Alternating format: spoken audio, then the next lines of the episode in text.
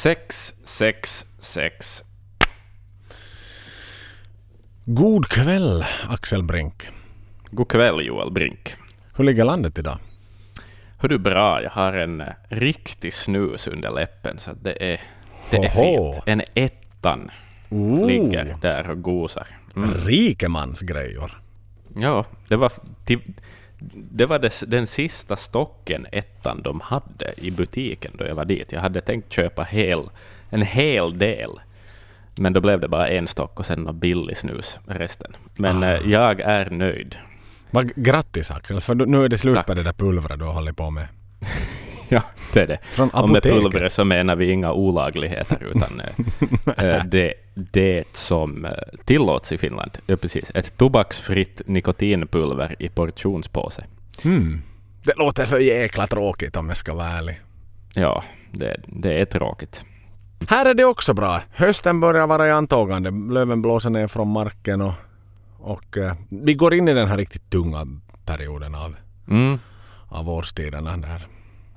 När det bara är mörkt och vått och, och Ja. temperaturen blir kallare och kallare och kallare. Ja, då man lite söker sig mot mörkare tonarter i Mm. vad man fyller sina öron med också. Mm. Det är ju det man gör.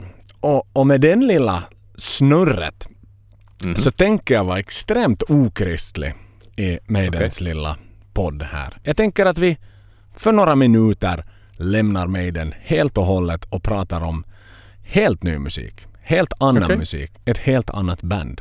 Inom Mhm. samma genre. Jag vill lyfta upp bandet Morse Principium Est. MPE som de kallas kort.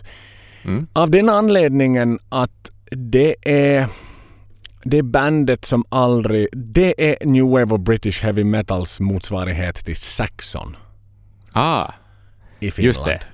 Precis. De fick aldrig... De kämpar på. Alltså, de har hållit på sedan 1999. Så i, i över 20 år. Wow. De är på väg nu att släppa sitt sjunde album. Okej. Och, och de harvar liksom på jättetappert och de gör helt sagolikt fantastisk melodic death. Just det.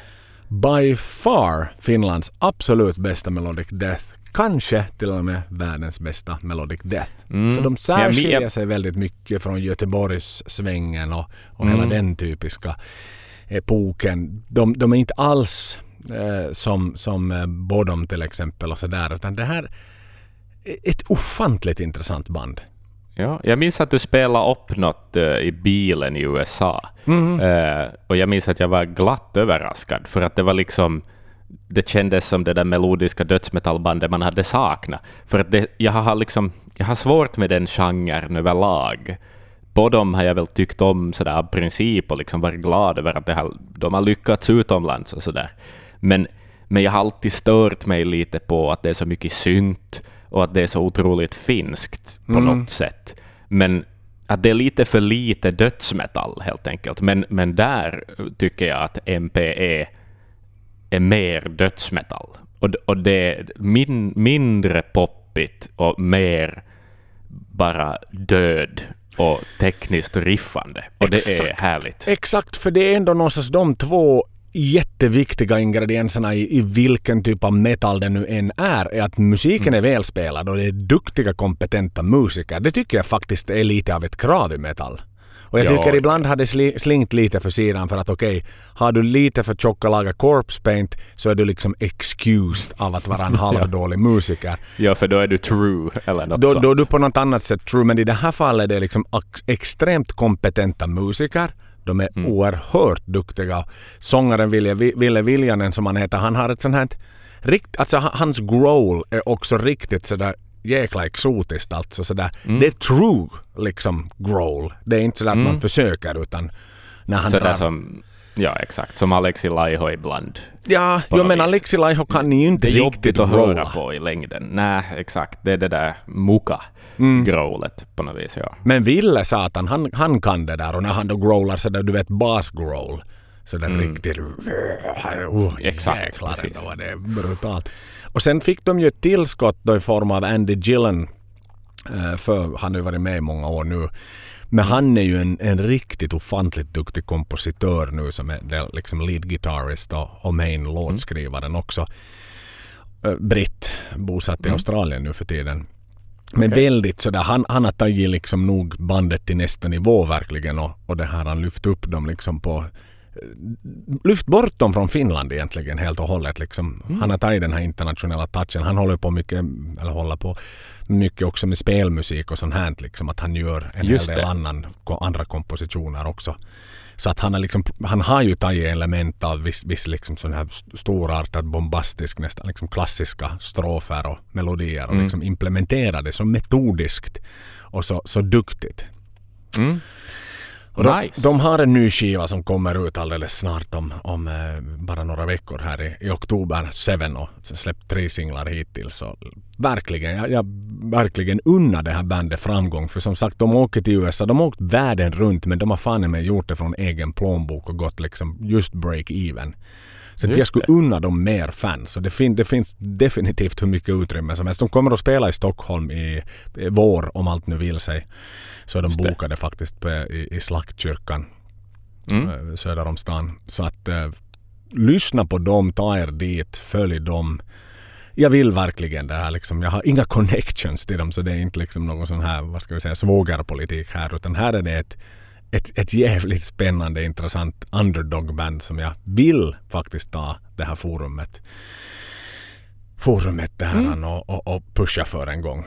Men Ja. med det sagt så är jag färdig nu också och, och vi ska inte någonsin mera i Maiden-podden göra det här och använda vårt forum till ett annat ändamål än vad det är till för. För nu har vi en massa ilskna Maiden-fans. Som kommer- undrar vad, vad, vad, vad vi babblar om. Exakt, som tror att, vi exakt. tror att det, det är våra evil twin brothers som har hijackat sändningen och ska prata om Mm. Melodeath istället.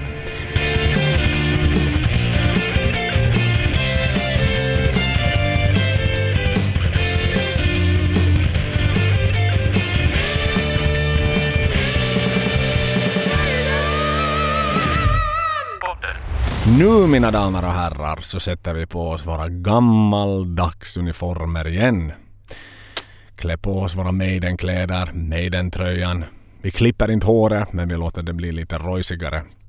Mm. Och så beger vi oss in i dagens tema. Herr Janik Gears. Ja, The new the kid new guy. on the block. Exakt. Fast med facit på hand så har han ju haft en längre period i Maiden än vad personen Mm. som han ersatte hade. Exakt, precis. Tänk det. Tänk det. Så att eh, Mm. det ska vi inte glömma bort. Det ska vi inte glömma Nix. bort. Så att sådär. han har ju varit lojal. Liksom. Han har ju varit med sedan han började. Mm, Han har, inte han har varit med i Han har inte 30 år. utnyttjat... Har han månne samma kontraktuella rättigheter? jag tror resten. inte. För han kom ju in. Så jag tror inte att han fick det. Om inte typ Dave Nej. ville erbjuda sin åt honom. Just Eller Nico. det. Dave nej, det stämmer ju. Det var ju inte heller gjort. Och inte Nico heller. Nej, det är bara de två Nej. som har, som har kvar klausulen så att säga. Mm. Så- Det väntar vi med spänning på. Det gör vi. Men jag tror inte att Janik aldrig fick den. Jag tror att han var för ny. Så hans avtal är helt annorlunda. Ja. Ja, månne inte. Månne inte stämmer. Tiderna förändras. Visst gör de det. Visst gör de det. Inte kan man säga annat. Men Janik Robert Gers som han heter. Är det Ger- Gers eller Gers? Mm, Och enligt, enligt fonet, fonetiken så, så ser jag... Uh, gears. Skulle det vara gears? För jag Bruce kan inte säger läsa Gers. fonetiska bokstäver. Ja, han säger gears. Så jag har alltid funderat över det. Är det Gers eller Gers? Nå, vi är finnar, vi är inte britter. Nej. Så att vi får väl säga vad fan vi vill. Vi kan kalla honom Jampa. Exakt. Jampa. Jampa Gers. Yes, men i alla fall Janik Robert Gers föddes i Harlpool den 27 januari 1957 så han är ett år yngre än Bruce Dickinson. Mm. Eh, han var det äldsta barnet i sin familj. Han hade både en yngre bror och en yngre syster. Och, och hans pappa är polack Mm. som spenderade sin tid i den polska flottan. Och det var också Precis. liksom på den vägen han kom till England. Då när han, han träffade en, en engelsk jänta som han blev förtjust i då. Så Så gifte de sig och så bytte han faktiskt om till den brittiska, brittiska flottan sen. Mm. Så pass. Så pass så han kunde dela med sig av lite hemligheter sådär hur polackerna lastar sina torpeder. Precis. Så det tog de ju säkert Oho. emot med öppna armar kan jag tänka mig, de här befälhavarna ombord på, på den brittiska flottan. Mm. Mm. Jag visste inte att eh, Polen har en flotta. Men visst är ju Polen vid kusten, herregud. Jag Självklart. glömmer min europeiska karta. De har lite Ja. vatten, de har lite Östersjö. Det har de.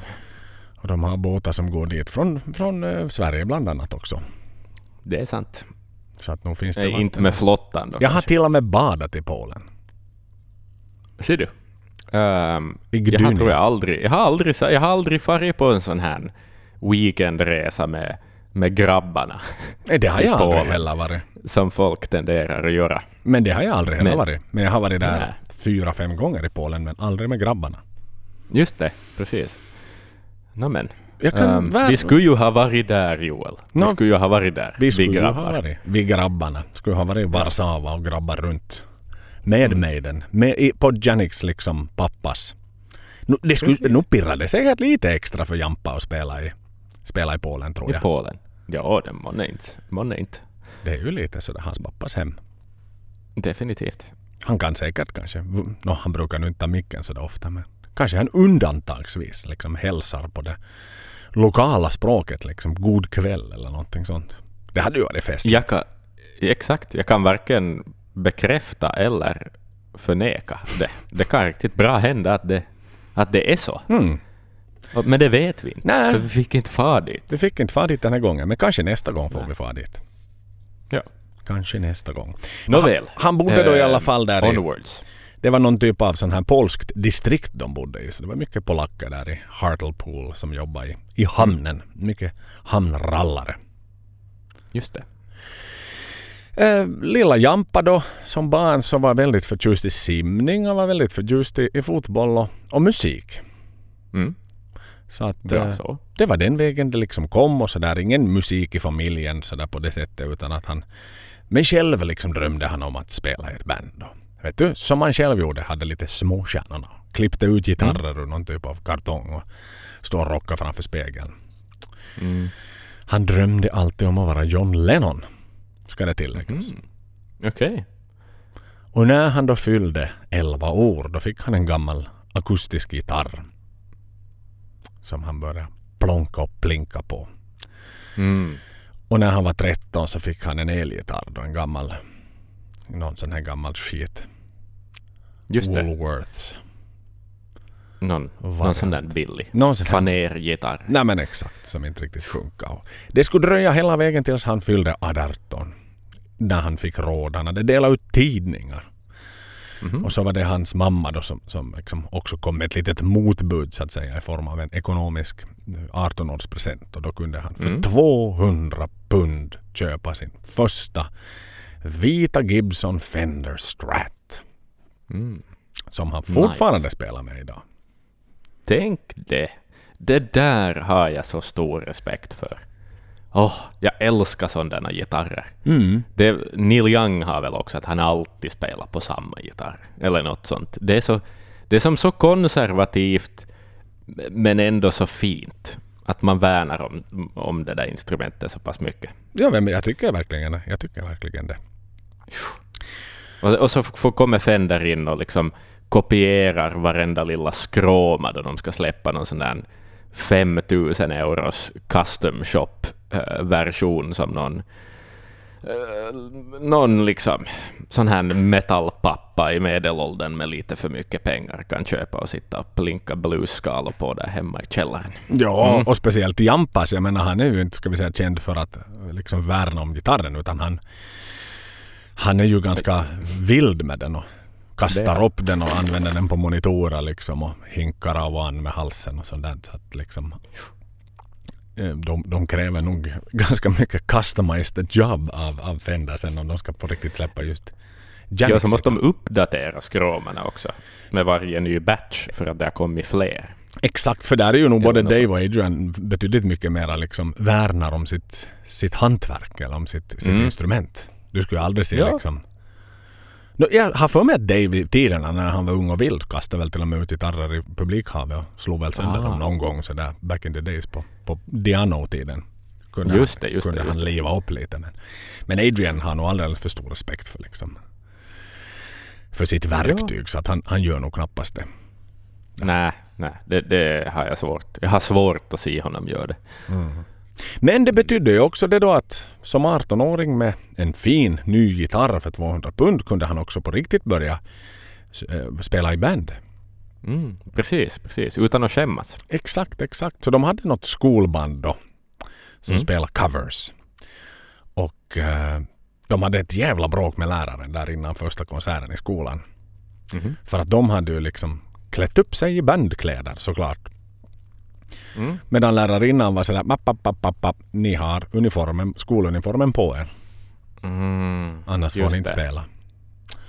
Och då var det någon typ av kompromiss och de hade liksom eh, slipsen från skolan fick de ha på tillsammans med sina rockkläder. Okej, just det. Någon slags runt förhandlings... huvud, är det, är det, var det okej månne? Lite Eller skulle den vara runt halsen? Ja, det, det, det förtäljer inte historien. Jag misstänker att det var Nej. runt halsen. Att det var, de kunde liksom inte vet du, stretch it too far. Nej. Vad brokigt outfit. ja, faktiskt. Det var rockkläder men skolslips. det blir ju lite sådär, ja, vad fan. Lite ACDC. I och för sig. Ja, ja, men liksom ACDC hälften bara. Ja, på något vis. hälften av Ja. Nåväl, han, det var ju mycket Beatles fram till det här då som han, han lyssnade på då, eftersom han till och med ville vara Lennon. Men, men sen blev det mycket rock. Det var ju förstås, Mm. vilket ju inte är överraskande med tanke på vad han spelar idag. Nej. Eh, Förstås Purple. Precis som, precis som hans vän och bror, bror Bruce Dickinson så, så var det Purple, det var Rory Gallagher och T-Rex Nice. som han gillar. Sen kom, tycker han nog också om och, och, och börja falla in i Zeppelin-träsket. Vilket är lite unikt för där är det nog ingen annan medlem i Maiden som faktiskt explicit har uttryckt att de gillar Zeppelin. Nej. Nej, det har varit Sabbath och Purple, ja, och så vidare. Jepp. Mm. Mm. Ja. det, det är lite spännande Men varf- med tanke på att de är så stora. Ja, men no, ja, det är ju väldigt lite Zeppelin i Maiden också sådär som influens på något vis. Det, Mm. låter, det låter ju inte Zeppelin Nej, eh, alls liksom. Så att eh, just det. men de är ju stora och de var från samma land förstås. Så att på det sättet borde Mm. det ju vara lite... Ja, Plant var ju Mm. förstås också... ja, ja, liksom, han är ju en förebild för alla rocksångare tycker man ju. Han är ju det. Liksom. Men han tyckte Ja. inte riktigt om Plant. Han tyckte han var lite sån här flickig i sitt skrik. Mhm. Faktiskt. Okej, just det. För han, han jämför egentligen Plant med, med Gillan där. För att Mm. Gillan har det här skriket liksom, det vrålet. Och den Ja. där liksom kraften. Vilket ju Plant inte har liksom i, i sin typ av metalvrål, rockvrål. Nej, exakt. Så det var det då han Ja, det är liksom, kanske lite mer med finess. Det är lite mer bluesigt i, i Zeppelin på något sätt. Inte lika mycket... Ja, precis. Sådär rå, råhet. mm, så Mm. var det ju, så var det ju. Så att eh, sådär, så då blev det väl ändå lite mera sen det här eh, Camp Purple om man nu säger så. Och då Mm. Richie Blackmore förstås då som var en enormt stor influens till honom. Och, och som han också redan här betonar att solon så, så var någonting han tyckte väldigt mycket om men han tyckte inte om att planera solon. Liksom att det ska Mm. vara det du kommer och det du känner för just där och just då. Att Just musik är inte matematiskt för honom. Utan det ska vara liksom det ska vara en känsla i ditt solo istället. Mm. Och det är ju någonting som vi ju förstås som vi spolar lite fram, fram i tiden är väldigt välbekanta med Janix solon. I jämförelse kanske med, med Adrian då som är hans eh, som är den största skillnaden i solon. Mm. Adrian är ju samtidigt väldigt genomtänkt i sina solon. Och det är oftast en melodi Mm. och det är oftast väldigt liksom Nej men det är alltid samma sak. Och liksom, Ja, han ändrar sällan på det. Det kan vara smått. Mm. Något riktigt små, små skillnader. Men att det är liksom... Nej, skelettet är detsamma alltid. Varje gång. Exakt. Mm. Så att eh, där, men där har han varit mera liksom. Kanske lite den där blues-sidan ändå som finns. Blu- Blues, jazz. Festival. Exakt. Precis. Precis. Han uppskattar det istället då. Så att det var liksom hans tanke. Och, han satt och hinka och hinka och hinka precis som den här uh, finnen där uppe som satt med tre skärmar i Lappland som du bodde hos. Exakt. Precis. Att, uh, mata på och mata på och mata på. Sen fick han då nästa band han började i så, så hittade han en, en, det var en annons i en tidning i Hartpool Mail-tidningen. Där det bara stod att Mhm. vi söker en gitarrist. Och han tänkte att nej men vad tusan, det här låter ju spännande. Mm. Tänk om jag är den gitarristen då. Och de hade någon, någon eh, övning då med Strange Kind of Woman som de testade på. Mm. Och eh, det var i kyrkan på en lördag eftermiddag som den första övningen då gick av stapeln. Och- det bandet då så kom att bli White Spirit. Mm. Mm. Som ju då bestod av fem, fem gubbar beståendes av, eh, av gitarrister, två stycken, keyboard, sång, trummor. Och de var ju väldigt influerade av Purple, Uriah Heep och Rush. Och i och med att de hade synten med så var det ju lite så här progge, Just det, progressivt också. Mm. Så att det var liksom deras, deras stora grej. Och de lyckades så pass bra att de fick liksom eh, en, en indie-label som liksom plockade upp dem ganska tidigt. Neat Records Mm. hette de som, som gav ut en singel. Back to the Grind 1978 då. Det var Ooh. 1975 som de grundade bandet så att liksom tre, tre år hade de då hållit på innan de fick sin singel. Mm. Och, och var ute på turné faktiskt då och liksom tjänade lite pengar på att spela musik så att de nu liksom fick, fick lite omsatt i alla fall. Och, Mm. och sådär. Och spela och spela och spela men absolut att de blev ju inte liksom rika utan hade nästan råd att spela nästa, liksom nästa konsert och, och, och hyra en Precis. skåpbil att komma till nästa konsert. Så på det Ja, sättet liksom ganska framgångsrikt direkt i första bandet om man nu jämför med Nå, med Maiden, med Steve och alla hans liksom, du, besättningar som har varit och farit ja, Precis. innan dess. Så att han hade ju på det sättet lite, lite flyt och lite flax faktiskt. Ja, tänk, tänk faktiskt... eh, Ja, bra säker. Mm. Ja men det behövs ibland. Vi behöver ha lite tur Ja. och lite glädje. Det här skitåret så behöver Definitivt. vi höra om lite framgångar också. Mm. Sen då så, så var det ett lite större bolag, MCA då, som, som, som plockade upp dem i sin tur och det var då de fick göra sitt, eh, deb- sin debutskiva. Sin debut och sin enda skiva fram till idag ska det också sägas. Okej, okej, okej. Just det. Och det är då Gillans basist John McCoy som släppte, var liksom producent för, för skivan. Right. Ja, okej. Det är redan stort. Mhm. Tänk hur nära han är sina idoler. Liksom. Redan här. Ett steg ifrån. Redan här. Och eh, si- första singeln från den skivan då hette Midnight Chaser. Och hörde du du, nu tänker jag att vi ska lyssna på den.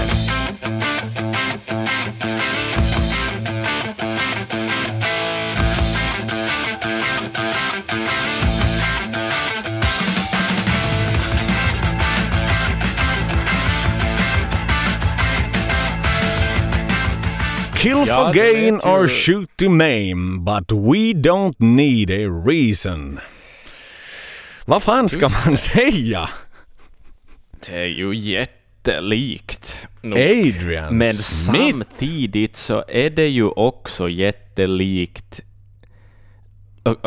det är ju... jä- Okej, b- bara för att han är med i Maiden senare så blir det här ju speciellt.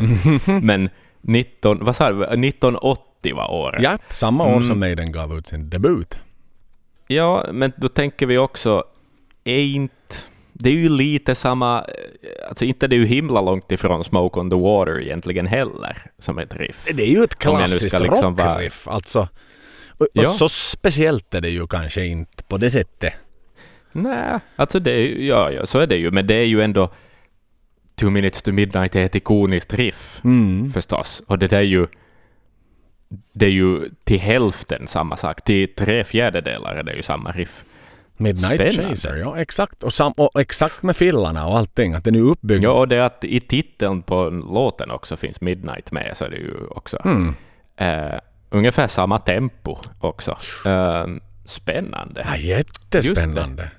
Jättespännande faktiskt. Han är inte anklagad faktiskt Adrian för att ha snott den utan Han, han släppte Okej. det sen. Just det. No, men, eh, Men han kanske bra, inte behövde så- öva så mycket på just Two Minutes to Midnight när han kom med till Maiden. Exakt, säg jag spelade där förr. Ja, ja. Undrar om han spelade fel de första gångerna. ja, det kan ju vara ja, att han körde Midnight Ja. Chase istället. Så är det. Jo, men jag menar, sam- mm, ja, sånt där händer ju och det är ju likt, men det är ju också tydligt att det är en slump. Mm. Alltså, och inte tror jag ju heller att Adrian har lyssnat på White Spirit och snott riffet av dem, utan det, det där är ju ett riff man hittar på om man spelar gitarr. Jo. På något vis. Jag tror att skulle du stänga in en, den där Lapplandskillen i sin stuga och inte ge honom något yttre intryck överhuvudtaget, så skulle han ha hittat på Two Minutes to Midnight-riffet inom ett år, Mm. tror jag, utan att ha, ha vetat om det. Bodde, han, att, men eh, bodde han i lägenhet eller i ett hus? nå, det var som en, en radhusbostad Mhm. i två Hur våningar. gammal var han?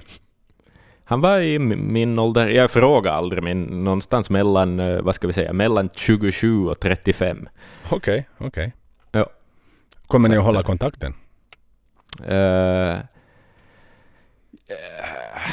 kanske om jag är i Kilpisjärvi en gång till. Mhm. Skulle jag nog kunna hälsa på. Men lite skönare var det ju ändå att det var en sån typ av hyresvärd än om du hade haft någon sån här tråkig farbror. Nå visst, definitivt. Oh ja, ja, ja, ja, alla gånger. Han var hemskt trevlig. Mm. Han var hemskt trevlig. Mm. Så att han hade också kunnat bli en, bli en liksom kommit på det tredje varianten av Two Minutes to Mm, men precis, precis. Den skulle ha hett, eh, inte kanske Midnight, men något med något, ehm, ja, Kamos. jag vet inte. Att det alltid är Midnight. Always Midnight skulle hans låt ha hett. Ja, ja, ja. För tusan. Så Mm. är det väl. Nåväl, men alltså det tickar ju på ganska bra där då sen med Mm. gänget i White Spirit liksom. Och så där, även om de aldrig riktigt var omskrivna som en del av New Wave of British Heavy Metal Mm. så fanns de ju med till exempel på Metal for Mothers skivan och, och, och Neil Kay spelar ju den där låten då Midnight Mm. Chaser väldigt mycket på Bandwagon. Den fanns med högt upp på hans, hans chart som han ju hade. Just det. Så att liksom sådär de, de kanske seglar längs med men de var aldrig liksom sådär White Spirit var aldrig en del av, uttryckligen en del av New Wave of British Heavy Metal. Mm. Var det för att de inte var London på något vis då? Kanske det och kanske just eftersom de då hade lite sån här rush och synten och sådär att de var lite lite kanske proggiga då på något sätt. Ja, precis. Ja, exakt. Att det, ja, den där orgeln och keyboards, det gör det mera purple än vad det gör, gör det liksom. Ja, för resten av banden har ju inte så otroligt mycket keyboards. Det, det ligger nog något i det där, Mm. tror jag faktiskt. Nåväl, men då fick ju de eh, möjligheten att vara warm-up act åt Gillen på en brittisk Just turné som, som skulle hålla på i hela 46 datum. Det var en omfattande Mm. brittisk turné det. Tänk att man kan spela så många datum Mm. i ett och samma land, Ja, som inte USA Mm. på det sättet. exakt, exakt. Mm. Och det var ju då han fick träffa sin stora hjälte i Derby. Där de hade sin, sin första kväll, liksom, eller första showen för, på turnén. Och han var ju förstås euforisk som tusan. Och eh, så var det ju bara. Och, och sen några månader efter så, så kom det ett litet samtal från, från Gillen. Där de frågade att hej, hördu, hur skulle det vara om du på riktigt skulle börja i mitt band? Och han var sådär, Mm. what? Vad fan? Skämtar du? Mm. Hur ska jag kunna bli? Att Gillan vill att jag ska bli hans gitarrist. Mm. Men eh, det- råkade nämligen som så att Bernie Tourmé som hade varit Ians gitarrist, de hade haft någon, någon rejäl beef right on the road så att säga. Så, att, eh, Oj. så han hade packat sin gitarrväska och farit därifrån. Så de var mitt i, en, mitt i pisse i Tyskland Oh. under en Shit. pågående turné. Och då var det sådär att hmm, vem fan ska vi ta nu? Och då har Ian sagt att nej Janik var den första jag kom att tänka på för han var warm-up i England och gjorde ett jäkligt bra jobb med White Spirit. Så att liksom vi testar och ringer honom och ser om han är intresserad. Och eh, Fascinerande. så i, lite sådär till er, vet du, det, nu är det lite sånt här finger sätter jag upp här. För det finns ju, det är ju två läger av Maiden-fans. De som som inte tycker om Janik och de som på något sätt och de som tycker om honom. Ja. Och, och till de då som, som ännu idag, 30 år senare, kan acceptera eller kan tolerera att han är med men liksom inte uppskattar honom. De vill att det bara ska vara Dave och, Dave och Adrian. Exakt. Så, Ja. så att om man nu ändå får en seal of approval av Ian Gillen som vill ha honom som sitt första val att spela Mm. med honom. Så det skulle jag ju nog säga säger en hel del. Ja, exakt.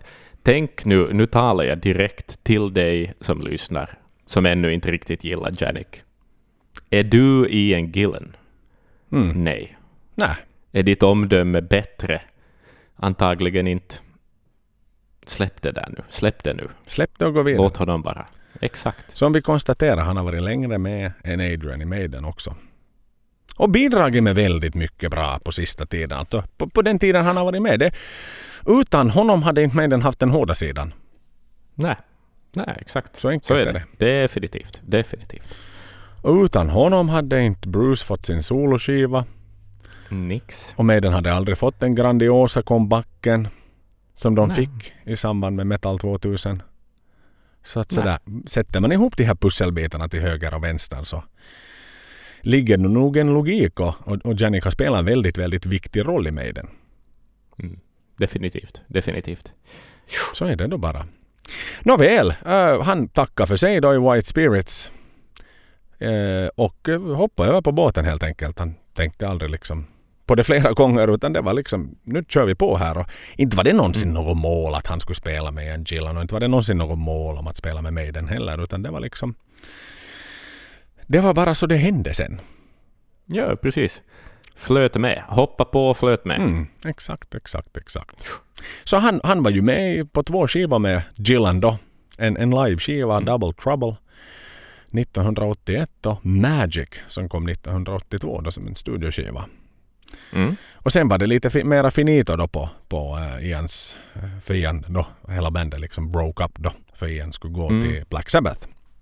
Precis. Jag hittade faktiskt något klipp på YouTube, någon live-grej där han spelar med en Gillen. Mm. Eh, och det är ju så roligt att se en så ung och eh, energ- han, är, han är ju exakt likadan då som han är idag. Lika, kanske lite vildare i och för sig, för att han får väl liksom agera ensam gitarrist i ett band. Mm. Men det är också jättetydligt hur mycket Blackmore det finns i honom på något sätt. Just den där straton och, och liksom sättet han rör sig på och gycklar runt eh, på något vis. Att det är liksom eh, väldigt mycket Blackmore. Blackmore var ju också en sån jävla showman på det sättet. Ja. Vild, vild och galen och bara... Som ju till min glädje är i liv. Ja, tänk, tänk det. Det stämmer ju faktiskt det. Men just den där California Jam eh, Deep Purple-spelningen där de, jag vet inte hur många gitarrer som Blackmore söndrar och, och allt möjligt sånt där. Så att har man honom som förebild så måste man väl vara lite vild också. Eller liksom att det, det syns på Janiks maner. Det är klart att det Så gör. att, Det är klart att det gör. Men ser du, anledningen också var ju lite det där att när det slutade och, och, och att igen bandet slutade var ju det där att han lyfter upp ett case här, här Janik, när de hade sett Number of the Beast-videon på TV. Mm, Och då gick han liksom till honom och sa att Vittu det är ju så där det ska vara. Den där kraften, den där powern, det där är rock'n'roll så det bara sjunger om det. Jag vill ha såna lampor, jag vill ha sån torr is på scenen. mm, Och, eh, men igen var ju så här, men vet du vad, min son, jag har gjort allt det där. Jag har varit den stora rockstjärnan. Jag är nöjd att spela lite covers och göra lite egna tolkningar på an. Jag vill bli en Ah. vis, vad heter det? Precis, liksom en Som sån där... visor, En, en, vad heter det? precis, en, en, En- eh, vissångare. En Evert Taube. ja, pre, ja, exakt. Vill jag bli. Precis. För jag har varit den stora rockstjärnan. Men, men, men Janik hade ju inte varit det ännu. Så Nej. det får ju lite sådär. Han var ju bara på väg upp. Han var bara på väg uppåt. Så det får ju lite skidorna i kors på det sättet då. Mm. Att han var ganska, han var ganska chill igen där och det var ju inte alls. Så sen tog det finito och, och, och Jampa var arbetslös rätt och slätt. Mm. Inget, inget så konstigt om, om den saken. Och inte var det någon som ringde och sa att hej kom och spela i mitt band utan det var tyst. Han var inte Ha. så satans het på marknaden heller. Men tänk vilket... Ja, att det har gått som så lätt. Eller inte lätt och lätt, men ändå ganska bra dittills. Ja, Liksom. Ja. fram tills nu. Men sen, sen tog allt slut. Sen, var- sen var det Mhm. slut på hans, hans good spell och good run. Så då började han studera humaniora. Okej. Jag tror det är sociologi Ser du? han valde att studera. Nice. Okej. Så att, så att Ser han du? gick till skolan helt enkelt. Så man, alla, alla kan alltid ha det som en plan B. Ja. Och eh, han hade nog kvar alla grejer lite och sådär. Spelade väl lite någon gång för sig själv där hemma. Och, Mm. och lite sådär fram och tillbaka försöken då var det. Till exempel var ju Dee Schneider kontaktade ju honom i tiden om, om, om Jampa skulle gå med i hans soloband. Okej. Ser du? När Cliven var med. Ja. Clive, ja, ja, ja, just det. Okej. Precis. Men han var ganska klar och tydlig med att han började inte sätta på massa makeup han och köra några såna, såna grejer. Så, att, sådär. Nej. så det rann sen ut i sanden. Han fick aldrig, aldrig något desto mera samtal från dem i alla fall. Mm. Just det. Så att på det, sen var det en, namn, en man vid namn Jonathan King som ju skulle bilda det här stora superbandet. Vad kallar vi det? Kallas de superband? Supergrupp. Supergrupp. Gog Magog då. Med. Dianno Just det. bland annat. Mm. Så att eh, Just det. Gog Magog. Eller vad hette de så? Gog Magog. Som någon sorts... Det låter som något monster i Dungeons and Dragons eller någonting. Det är vakterna. Eh. Gog och Magog är vakterna. De bästarna som, som eh, står vid helvetets portar och vaktar. Aha. Okej. Och släpper in dem. Och, Coolt. och han ville liksom skapa någonting för att slå Make it big in America. Just det. Och det var ganska Okej. mycket så pengar involverade i projektet. Och liksom, det skulle vara en, en heavy metal act egentligen. Mm. Just det. Så att som sagt Burren var med, Dianno var med, eh, Peter Williams från Leopard var med, Neil Murray Mm. från Whitesnake. Och då ville de ha med Janik ännu som då hade spelat med, med Ian. Just det. Och Precis. ja, inte tänkte han väl något desto mera. Som sagt, studierna var väl nu inte liksom hans liv på det sättet utan det är klart att han hade ju inte tappat sin aptit ännu och tänkte väl att vad fan. Det är ju ändå hyfsat kända människor så att liksom några klubbar i USA ska vi väl slippa in på med den här besättningen Mm. på Mm. scen. Men eh, det var mycket snack och det var mycket snicksnack men det blev ju aldrig riktigt till någonting. Okej. Just det. Så det tog ju slut ganska Äh. snabbt. Precis. Ehm, men de gjorde väl något... Uh, någon release kom, eller liksom någonting. I efterhand släpptes väl någon sån här 12-inch EP släpptes i tiden. Just det. Precis. Men det var ju aldrig Okej. liksom så att det som blev något, något pengar i det helt enkelt. Så Nej. att, no, det var som... Men supergrupper funkar ju sällan alltså. Mm. Eh, Men det är ju Alice Cooper inte- den här jag kan- nu. Man har väl hållit på ett tag med. Med, eh, vad heter han? Perry är väl med där från, från Aerosmith och, och eh, Johnny Depp är väl med i den. Och, vad heter den här? Hollywood Vampires. ja, just det. Precis. Ja. De ja. har väl hållit på ett Men tag. de är ju lite som... Det blir ju aldrig... Det blir ju aldrig... Summan, ska vi säga, blir väl aldrig större än de enskilda medlemmarna i alla fall. Nej. För att på något vis... Sta, den där egona är så stora och, och liksom deras namn är så stora så att det samarbetet blir kanske aldrig så bra som man hoppas och vill på något sätt. Nej, och som du liksom- säger, du, du, du far nästan dit för att se alla medlemmar. Att det är som sådär, hej, det är ungefär som att gå på röda mattan i Hollywood sådär. Wow, Mm. jag får se en massa kändisar. Ja, precis. Men det är kanske inte Som jamma tillsammans. Exakt, att det är ju inte främst för den fantastiska skivan och för musiken du kanske går utan du går verkligen liksom att hej nu får jag fem kändisar till priset av, av en biljett ungefär. Mm, ja, och sen är det ju då man ska sälja ett band med massa namn bara, så, så vi, man vill ju ha lite av hur den där gitarristen är känd för att spela, och man vill ha vad den där sångaren är känd för att sjunga. Mm. Och sen behöver det ju inte nödvändigtvis vara att, att de där stilarna funkar särskilt bra ihop. Liksom att, att, att det där gemensamma magin som uppstår då, då musiker möts och skapar musik tillsammans, att, att, att det liksom inte blir någonting nytt riktigt, utan att det bara det är just bara en massa brokiga taggar som nu på något vis lite funkar, passar, kan nu liksom funka sidledes, men, men ja, you know. I know. Uh, jag kan inte säga en enda supergruppslåt som är fantastisk uh, på rak arm. Nå, Audioslave skulle man säga, är det en supergrupp? Nå jo, no, nu är det ju lite en supergrupp, men det är ändå bara två band. Det är ju inte liksom folk från fem olika band. Ja, uh, vad fanns det? Asia var väl någon sån där 80-tals uh, supergroup med en massa proggmusiker, mm. uh, men inte särdeles bra. Um, ja, nej jag vet, jag kommer inte på något som, som liksom sticker ut. Så det, det och sen är det ju oftast... Ja, där blev det bättre super... än origin... Liksom. Och sen är det ju ja. oftast att supergruppen är alltid ett sekundärt projekt. Ja, också. Definitivt. Ja, det... och alla, alla har så bra CVn redan så att det, liksom, det är inte hela världen att skippa det där projektet sen om det inte riktigt bär. Att det finns ju inte samma fighting spirit som då några ungar startar ett band. Mm. Några anonyma liksom, kids startar band. Då är det ju en annan entusiasm och, och, en annan vilja. Det har du helt rätt Men här är det lite så här halvlata, avdankade rockstjärnor. Som redan som... är stenrika. Ja, exakt. Precis. Jo, nej men sådär, supergrupper är väl ett kommersiellt djävulens verk egentligen om man tänker mm. lite på det. Ja. Det, det, finns aldrig riktigt fans av det. Så att... Nej. Gog Magog var ett försök att göra någonting och tjäna risigt mycket pengar på men, men i det här fallet så, så sket det sig big time. Mm. 1987 är året nu när vår kära mm. Janik kanske pluggar nu men han fick möjligheten att vara med eh, på en gästspot tillsammans med Marillion.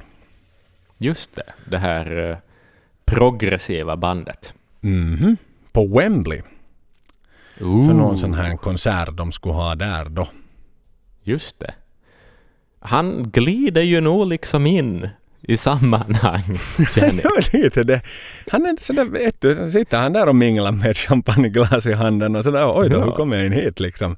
Jaha, okej. Okay. Som... Satt just på en sociologiföreläsning och liksom, ja, och sen Wembley.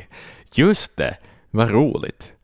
Och där var ju Brucean med också. Det var ju där han sjöng sin Older Young Dudes bland annat. Just precis, det var den grejen. Just exakt, det. exakt, exakt. Och då var det ju sådär att uh, ja, det gick ju bra på det sättet och, och han hade ju känt Bruce sen Samson-dagarna och då hade varit liksom vänner. Han, han, mm. han beskriver Bruce som en vän. De bodde ganska nära i Chiswick liksom nära varandra och brukar gå på konserter ibland och mm. bli tillsammans på fester ibland. Och, så på det sättet, det är klart han var ju liksom lite connected sådär bland. Jag kan ju nog föreställa mig att bland hans studiekompisar, hans föreläsningskompisar, så nog var det ju ganska credit sådär att Vittu, tänk om Janik skulle bjuda med mig på den där festen han ska gå på. Mm. Mm. För det är lite roligare Definitivt. folk där än vad det är de här liksom fattiga studenterna. Han har lite ja. connections. Precis, precis. Ja, roligast har de ju det ändå på folkloristikfesterna, måste vi ju tro. Det tror jag, ja, när de debatterar om häxor. Precis. Definitivt. Det tror jag. Men uh, ja, just det. Men okej, okay. Wembley, Marillion, okej. Okay. Okej, okay. Så där började bara. hända grejer igen nu. Med ja, han, ord. han fick sin Wembley-spelning sådär bara. det är också sådär you idiot, liksom you asshole. Vet du. Folk liksom... Paul fick aldrig en, en, en Wembley-spelning till exempel. Nej, nej, nej. Det här är bara slump alltihopa på något vis. Det är flyt och ah. flax, det är flyt och flax så. Och eh, då Fish då, som ju var sångare Marillion. Mm. Så han, han slutar ju också ganska liksom snabbt där på det sättet. I, i, långt, eller ganska snart efter den här välgörenhetsspelningen i Marillion då. Mm. Så att, eh, men han blev liksom, han blev kompis med, med Fish också. Så Fish bjöd upp honom till, till Edinburgh liksom och sa om ska vi se om vi kan spela lite ihop och sådär. Kanske mm. jag kan liksom eh, använda det till mitt soloskiva och, och då, då var det ju liksom hans, hans uh, Fish soloskiva då. Mm. Virgil in the Wilderness of Mirror. Så var han ju med och skrev. Skrev Just och spelade det. gitarr på bland annat View from a Hill-låten. Okej. Okay. Cool. Aldrig varit något jättestort fan av Marillion, men uh, Men bra för Janik. Bra för Janik och bra för hans karriär får man väl i alla fall lov att säga. Ja, definitivt. Och som sagt, han var ju lite prog. Det ska vi inte glömma bort. Det var synten, det var prog, det var Exakt. Rush de var inspirerade av också. Japp. I hans första band såklart. Nåväl, eh, Bruce började ringa honom sen, ett, tu, tre också. När han var klar med det där projektet. Så, så nu, nu var det plötsligt sådär att han hade gått in, in i ugnen igen från frysboxen och studiesalen blev väl mer och mer avlägsen för honom då och frågade att nej men Mm. här du jag har en idé, jag har en låt, en tanke, det är lite sådär ACDC-grej. Uh, Mm. Skulle du vilja hjälpa mig med det? Och eh, ja, men vad tusan, jag kommer hem till dig och, och liksom så ser vi vad vi händer. Och, och Bruce ville ju då, som vi känner till, komma ifrån Maiden-ljudet liksom väldigt mycket sådär att han ville Mm. få någon annan att hjälpa till att skriva. Att han frågade inte Adrian sådär om du vill komma med och skriva. Utan nu sätter vi och jammar och riffar lite och ett, tu, tre kom Bring Your Daughter to the Slaughter fram. Mm.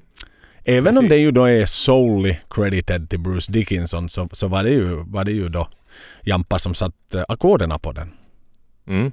Just det, precis. Så där kan jag ju faktiskt tycka att Janik kanske borde ha varit co-credited till den låten. Ja, något i alla fall. 15 procent. Exakt. Och Somba var ju superglada över det naturligtvis då. Mm. För det var ju då i samband med den här Nightmare on Elm Street soundtracket då som den skulle Precis, vara med på precis. såklart då. Och då var det ju liksom, började vi komma in på de här, lite på det avsnittet vi var inne på när vi pratade om Bruce första soloskivor. Mm. Det vill säga när Bruce ljög och sa att jag har jättemycket låtar liggande så här, det är inga problem. Och som var ju så, "Nej, men satan, sätt ihop nu så får du skriva en skiva. Mm. Och då var det ju sådär, hej Jampa, Jampa, sälj inte dina grejer, sälj inte dina grejer. Nu jävlar ska vi spela in musik tillsammans. Också där en slump. Och På något där vis. igen en För att Bruce har ljugit så blir han indragen i För att han någonting. behövde ha en, en medskurk. Exakt. Bara en sån sak är ju lite konstigt faktiskt. Då. Ja. Och han var ju Ja. med på turné i USA under pausen. Mm. Var han ju med tillsammans med Andy Carr, Just det. Fabio Del Rio på trummor på första Mm. skivan.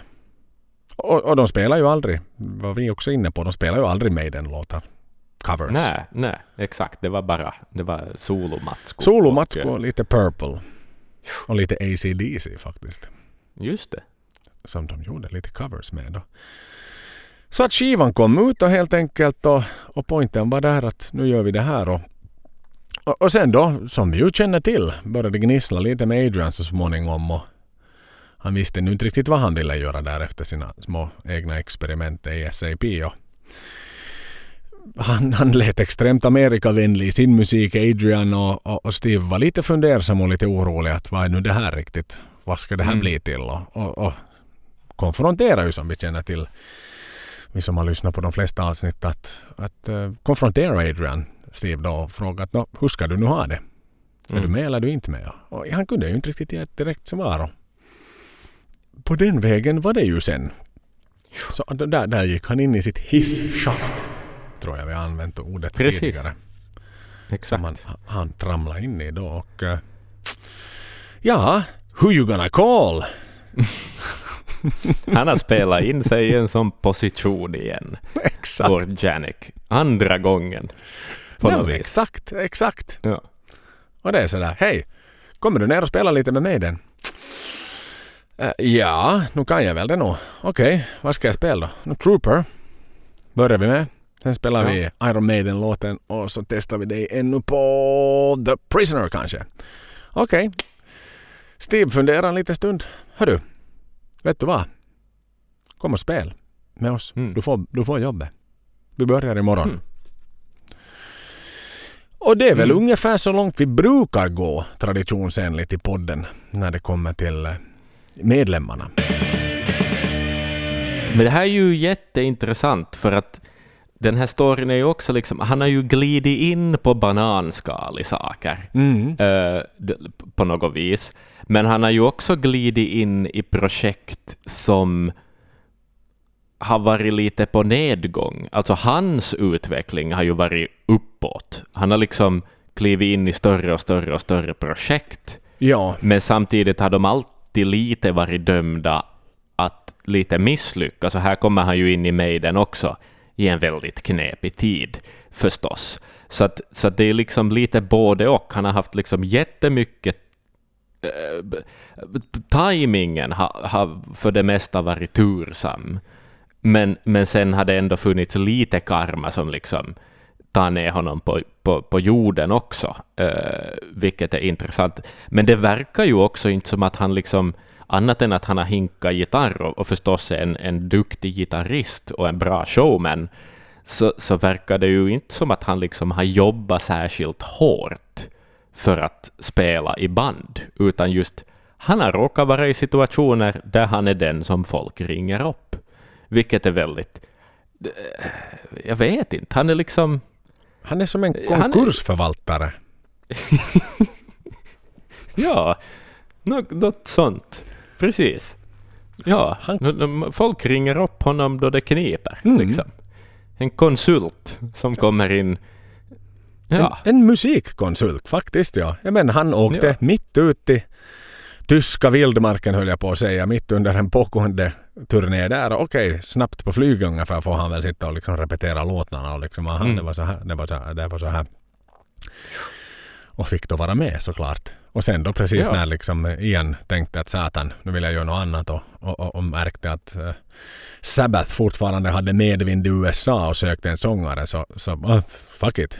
Det är viktigare än någonting annat där. Pengarna börjar ta slut mm. och jag kan tjäna mera pengar med tjäna mera pengar med Sabbath. Så, så då ja. var Janne sticket igen. Och, Exakt, men han var ju inte heller liksom, om man nu tänker liksom för hans tid i Maiden och egentligen inte var han just, kan man väl påstå, heller någon sorts kändis. Alltså folk kanske kände till honom i, i metalsvängen, alltså mera kanske då band och musiker kanske som kände till honom. Mm. Men att i det stora hela så, så har jag ju svårt att tro att han är en, en gitarrist som blir liksom stannad på gatan och folk ber om autografer av. Ja, det tror jag inte Utan heller. på det sättet är det en liksom liten anonym kulissarbetare på något sätt. Och, det, och lite sådär när ja. banden ringer upp honom och då det, det, det står liksom, då kommer ut press releasen att nu har Janik har blivit anställd som gitarrist.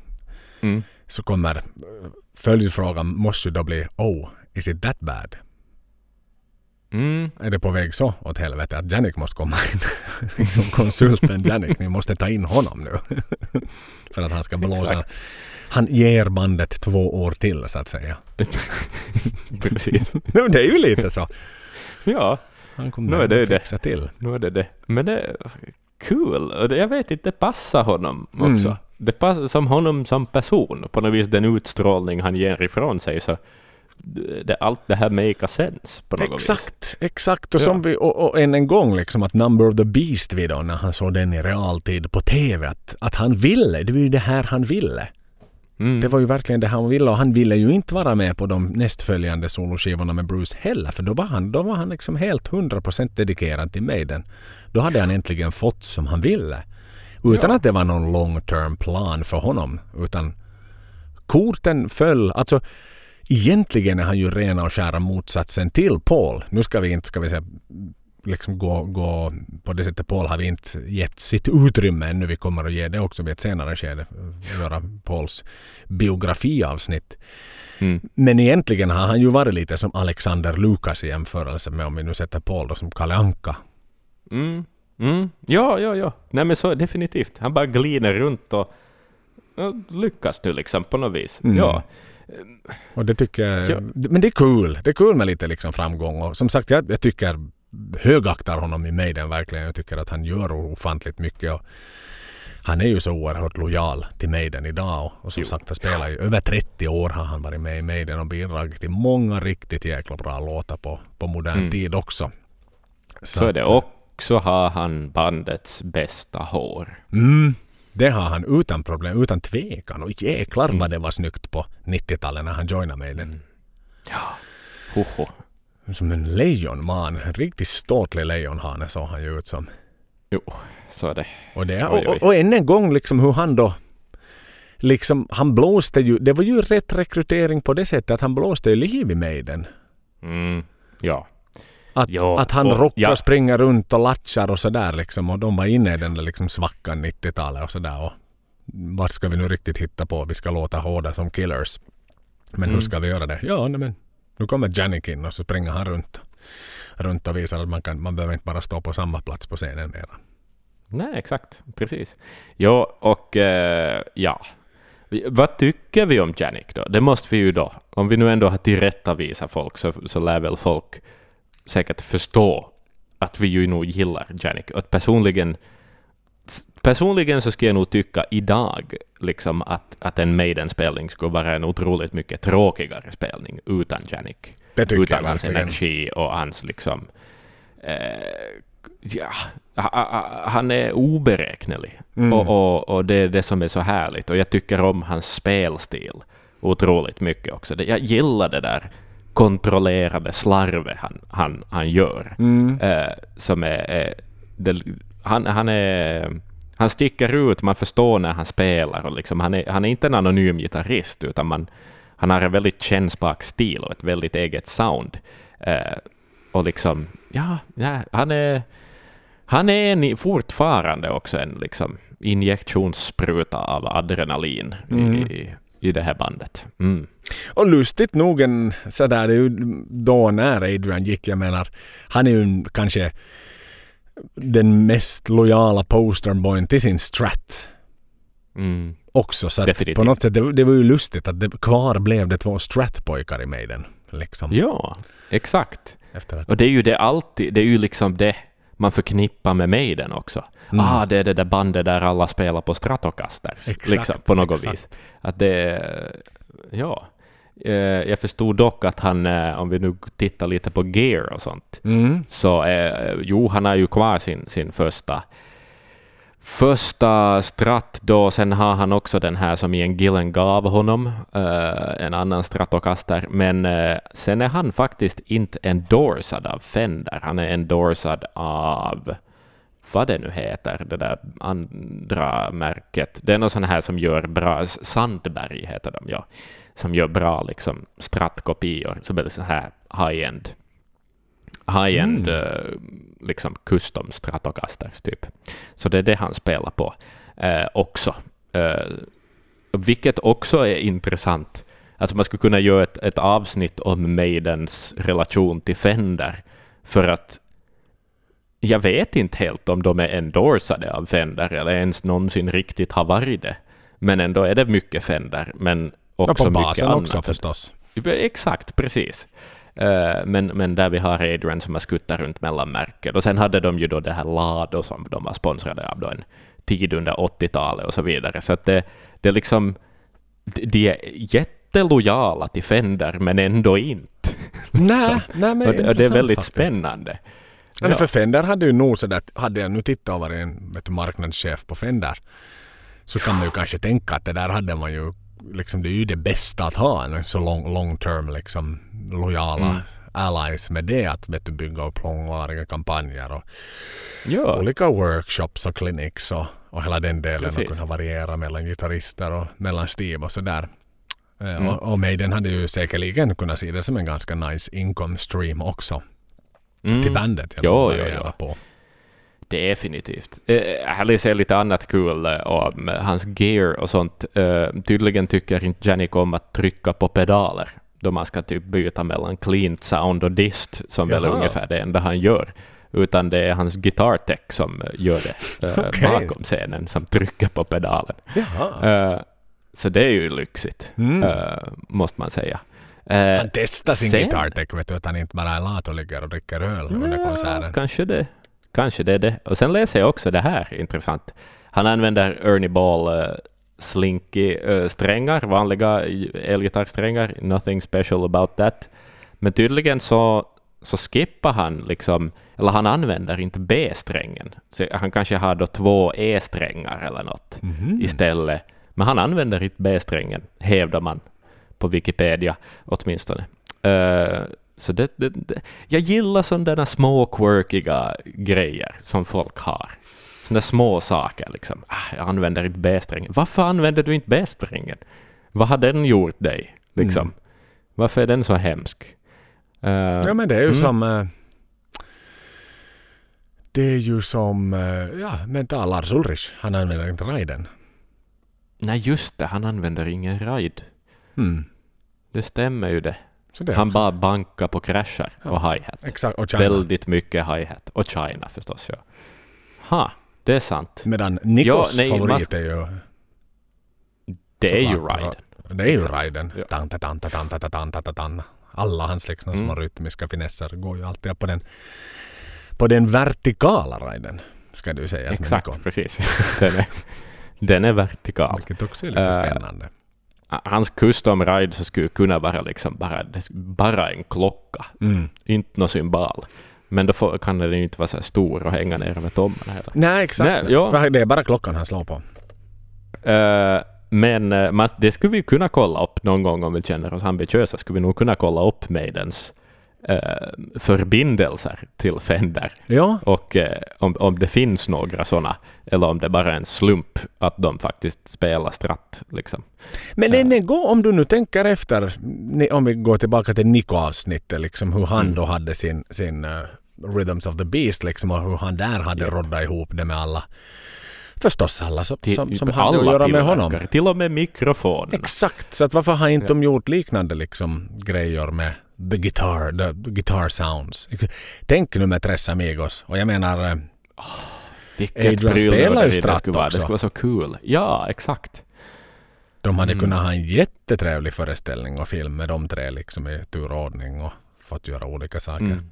Men varför har ja, exakt, varför har de inte liksom kört fullt ut? Tres Amigos liksom, stora reklamkampanjer.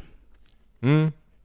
För nu är det nu Ja. många herrans många som har köpt sina, sina strättar bara på, för att Maiden spelar strätt. Absolut. Absolut. Alla dagar. Precis som han köpte Eh. sin för att Richard spelar strat liksom. Precis, exakt. Man tar ju det till sina förebilder. Och de, de ja. Mm. Hmm. Nej, men uh, Janik Gears. ehm, ja, ja, nej, jag gillar ju nog honom. Han är, han, han är skön. Han ser glad ut. Han, är- han, liksom, han är alltid glad. Och sen är han ju alltid lite den här, om du minns alla de här A Day in the Life och de här när, vännerna beskriver honom, hans me- bandmedlemmar.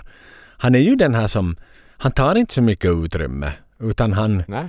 han har accepterat att han är det nya bandet så att säga. Så han, han liksom går inte ut och kräver för mycket liksom, vet du, attention kring hans hobbyn. Jag menar han, han går mest ut och promenerar sådär när de Ja, beskriver men det är ju liksom det hobbyn. han har gjort i hela sin karriär, känns det som. Han har varit ute och promenerat. Han har vandrat runt och köpt kokosnötter. Ja. Liksom, och så har han nu hamnat någonstans Mm. och liksom digga läge, spela lite gitarr och liksom ja, Han är, li- glid, glidit runt. han är lite som snusmumriken. Ja, hördu, vet du vad Axel? Nå, Nästa gång det är avsnitt, vet du vad det betyder och innebär? då betyder det. Det är album. Det är inte så där herrans många Av album två kvar. album kvar. Exakt. Tänk det Mm. Axel. Tänk det Axel. Mm, Resan har varit ganska lång. så är det. Varannan vecka under ett tag. Ja. Ja. Mm. Uh, sitter lite kommentarer också i vår Facebookgrupp eller vad det är på Insta eller något sånt om att liksom folk verkar ju inte riktigt kanske ha varit medvetna om att den här podden eller tänkt efter liksom att den här podden kanske har ett slut en vacker dag, men det har den. Um, men sen har jag också hört, utan att säga något mera, men jag, jag, en liten fågel har viskat att det, att det finns folk som är villiga att ta över stafettpinnen och, och fortsätta podda om Maiden eh, också. Eh, Mm. Men det, jag säger inget mer, för jag vet inte hur, hur, pass bekräftat eller hur pass offentligt detta är. Men, Mm. eh, men det kommer alltså det kommer att finnas podd om Maiden att lyssna på även efter oss, men vi har ju ännu ganska många avsnitt att göra. Det har vi har vi. Det har vi. Men vår saga kommer att bli all. Så enkelt är det. Vi, vi Mm. gav oss in för att lära oss om Maiden. Det var hela poängen. Lära oss mer om Maiden. Och eh, Mm. vi lär oss såklart hela tiden mer om Maiden. Jag lärde mig idag att Adrian inte spelar på sin G-string. Exakt. Jag lärde mig Uh, Janik B-strängen. B-strängen, förlåt. Ja. The B-string spelar inte Jampa på. Jag lärde Nej. mig att han är polack och att hans hjärta bultar lite mer när han spelar i Warszawa än vad det gör på andra Mm. kringliggande kommuner och orter och länder. Eh, Och så, ja, helt enkelt att han alltid Ja, har och bara där när man börjar liksom koppla ihop så där. mm, strecken och linjerna och liksom börja förstå hur allt hänger ihop och vem som drog med vem och allt det här just att, att man, man liksom kommer in på bekant mark då man börjar närma sig att Janik ska börja i Maiden. Man är, vi vet det här Exakt. liksom, på något vis. Det fanns- det, det, Det fanns den här kartan i Eddies Archives, den här eh, Mm. plåtboxen som kom ut just någon på det. 90-talet eller på vad, 20 tidigt 2000-tal. Så fanns det med en sån här, ett pergament, en papyrusrulle som var liksom ihoprullad med den här Maidens liksom charten, varifrån alla medlemmar kom och hur allt hänger ihop. Och jag Mm. kan känna sådär att jag behöver den inte längre nu. Nu börjar jag själv ha liksom den här kartan, digitala kartan ritad i mitt huvud. Att han var buddies med, med, med Bruce redan under, under Samson-tiden och han gjorde det och han gjorde det och han kände dem därifrån och han jobbade med Paul Mm. där på Gomagogo. Och, och, och så där så att på det sättet så blir det liksom mer och mer precis som du säger. Vi kan connect the dots. Mm. Ja. Och jag tror nog att vi börjar vara semivassa. Vi kanske inte vinner ett pubquiz. Men vi börjar nog ha Mm. helt okej koll. Alltså, drar man igång Vem vill bli miljonär och någon av våra kompisar nu sitter där och får en fråga om Maiden så nu blir jag nu lite besviken om inte min telefon ringer. Jo, jo, jo. Absolut. Definitivt. Jag, jag förväntar mig eh, bara det. Mm. faktiskt. Ja. Andra ämnen behöver ni inte ringa mig, men, men det här är jag villig att ställa upp Och, och sen är det just frågan om vilken sträng Jannik inte använder och så säger jag G-strängen och så blir det, Exakt. så blir det rött. Det där svaret. Fan, jag ska lyssna bättre på Axel. Precis, dra precis. egna slutsatser. Nej. Så att på det sättet är det. Vad tror du det blir Eller, för... eller alternativt att frågan är eh, vad heter Maidens elfte studioalbum och du svarar Virtual Elevens. Ja. svarar människan fel. Exakt. För det finns alternativen är Virtual Eleven, Virtual Elevens Exakt.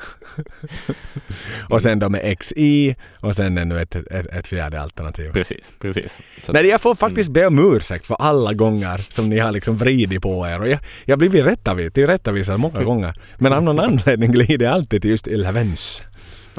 ja. Men du gillar när grejer är plural, tror jag. Ja, ja jag tycker det. Ja. Jag tycker Ja. det faktiskt. Det, det låter lite coolare, namnet. Definitivt. Definitivt. The X-Factors. Så är det. Det är ju fler. Det är ju fler. Uh, Fe- Fejan-gruppen är vital och traskar vidare såklart. Så det är ju bara att skriva in sig där om ni så önskar vara med i ytterligare en Facebookgrupp. Och Mm. Ma- mail når ni oss alltid på. Det kommer ungefär ett mail per år. Så det hade ju varit trevligare om vi hade faktiskt fått någon som vill mejla någonting. Det kom mycket då, där vi hade Ja, pubquiz och vi tvingade folk att mejla in svaren. Då, ja, då fick exakt. vi mejl. Hej, men jag har, jag har en. Så här lockar vi mejl, Joel. Mm. Skicka in ett mejl och oavsett vad ni skriver så läser vi upp det i nästa avsnitt. Ja. Gör det. Maidenpodden at gmail.com. En hälsning, vad fan som helst. Vi kommer att läsa det. Vi, vi, vi svär på det. Ja. Ni vet ju om vi inte gör det. Så att eh, Precis. vi kommer att inleda nästa avsnitt med att läsa upp allt som kommer. Vad som helst. Det får ni hemskt gärna göra. Ja, och ka- kanske inte sådär eh, hela Mein Kampf kanske vi inte orkar läsa upp om någon skulle copy-pasta in den i ett mejl och skicka sänd. Liksom, Nä, det nej, finns men väl inom rimliga Ja, ramar, okej. ska vi Det, det ska vi väl ändå säga. Ja, vi är ju Ja. inget språkrör för den typen av, den typen av grejer. Nej. Och eh, om någon nu gräver fram en jättepositiv recension av X-Factor och postar hela den så kan det nog vara att jag, Axel får läsa upp den. Jag tar det på mig, absolut. Jag tar det på mig. Så på det sättet blir det.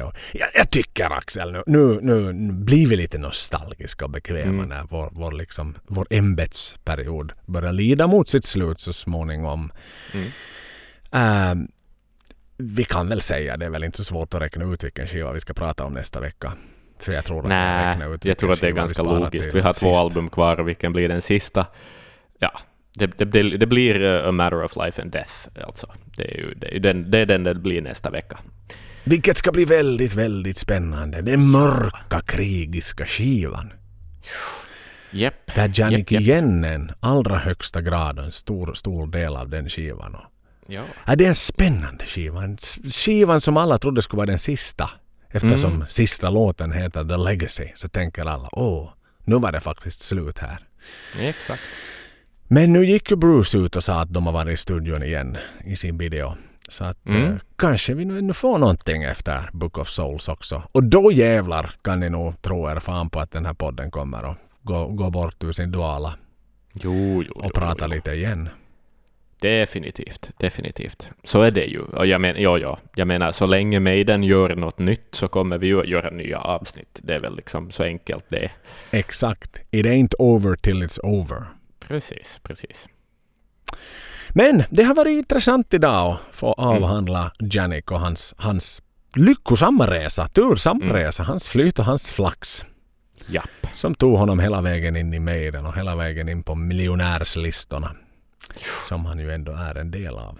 Och, och, och vad han gör nu, det vet vi inte. Hoppas att han mår bra och hoppas att han Mm. har det bra. I dessa coronatider. Att han inte blir drabbad och sjuk. Nej, jag undrar om han bär patronbälte också sådär till vardags. Jag hoppas det. Med sina Ja. svarta jeans. Och, och en ärmlös Maiden-tröja. Så är det. För han har alltid kört ärmlöst. i vinden. Han har alltid kört ärmlöst. Som Dave. Japp. Vad var grejen med det där med att det är Dave och Jampa som har Maiden-tröja på? Det är de två. Mm. Eh, För Dave hade ju inte förr. Det är ju Nej. en sån här 90s grej det. Att de spelar just det, det var då han började, ja. Ja, ja, ja. Back in the days så var ju liksom Dave också så här normalt, vet du, artistklädd Mm. sådär. Mm, Exakt, precis. Ja, ja. Nej, det där är spännande. Ja, det är en fråga jag vill ställa om jag någon gång får intervjua dem. Ja, What's up with the Maiden t-shirts? det är ju väldigt enkel scenklädsel sådär. Och sen är de ju skräd, är de skräddarsydda på det sättet att de är Uh, alltså har de bara klippt av ärmarna eller är de faktiskt sydda för dem och beställda, custom beställda för, för Dave och Janik?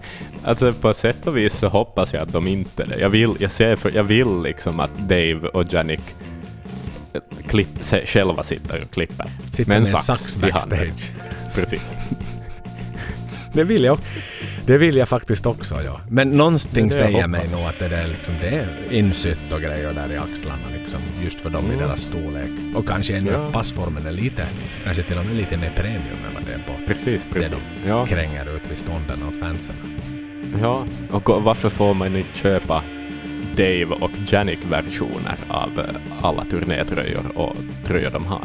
Exakt, det tycker jag faktiskt är fräckt för där, där har ju David liksom, har ju som en liten krage uppklippt vid halsen nu för tiden. exakt ja. Så man ser brösthåret lite. Jo, man ser lite bröstet på honom på ett annat sätt och den finns ju inte för fans att köpa. Nej, Utan nej. där går den liksom ner lite så det som att det ska kunna vara en knapp där överst. Mm. Definitivt ja. Så att uh, vill Maiden ha ja, en, en till uh, inkomstkälla Mm. så släpp lös de här tröjorna på marknaden också. Tack. Varför satt de inte med dig i den här bundle nu för Night of the Dead? Precis. Exakt. Janik pack och en Dave pack. Nej, det vill jag ha. Det måste jag ha! Hit med den! Ro hit den! Pronto, pronto, pronto! Det var, det, det var väl där det. Det var det Eh, denna gång. Ja, sov gott på er allihopa. Eh, Promenera, om det är morgon. njut av höstpromenaden. exakt, så njut av den. Eh, puss och kram på er. Och up the motherfucking irons!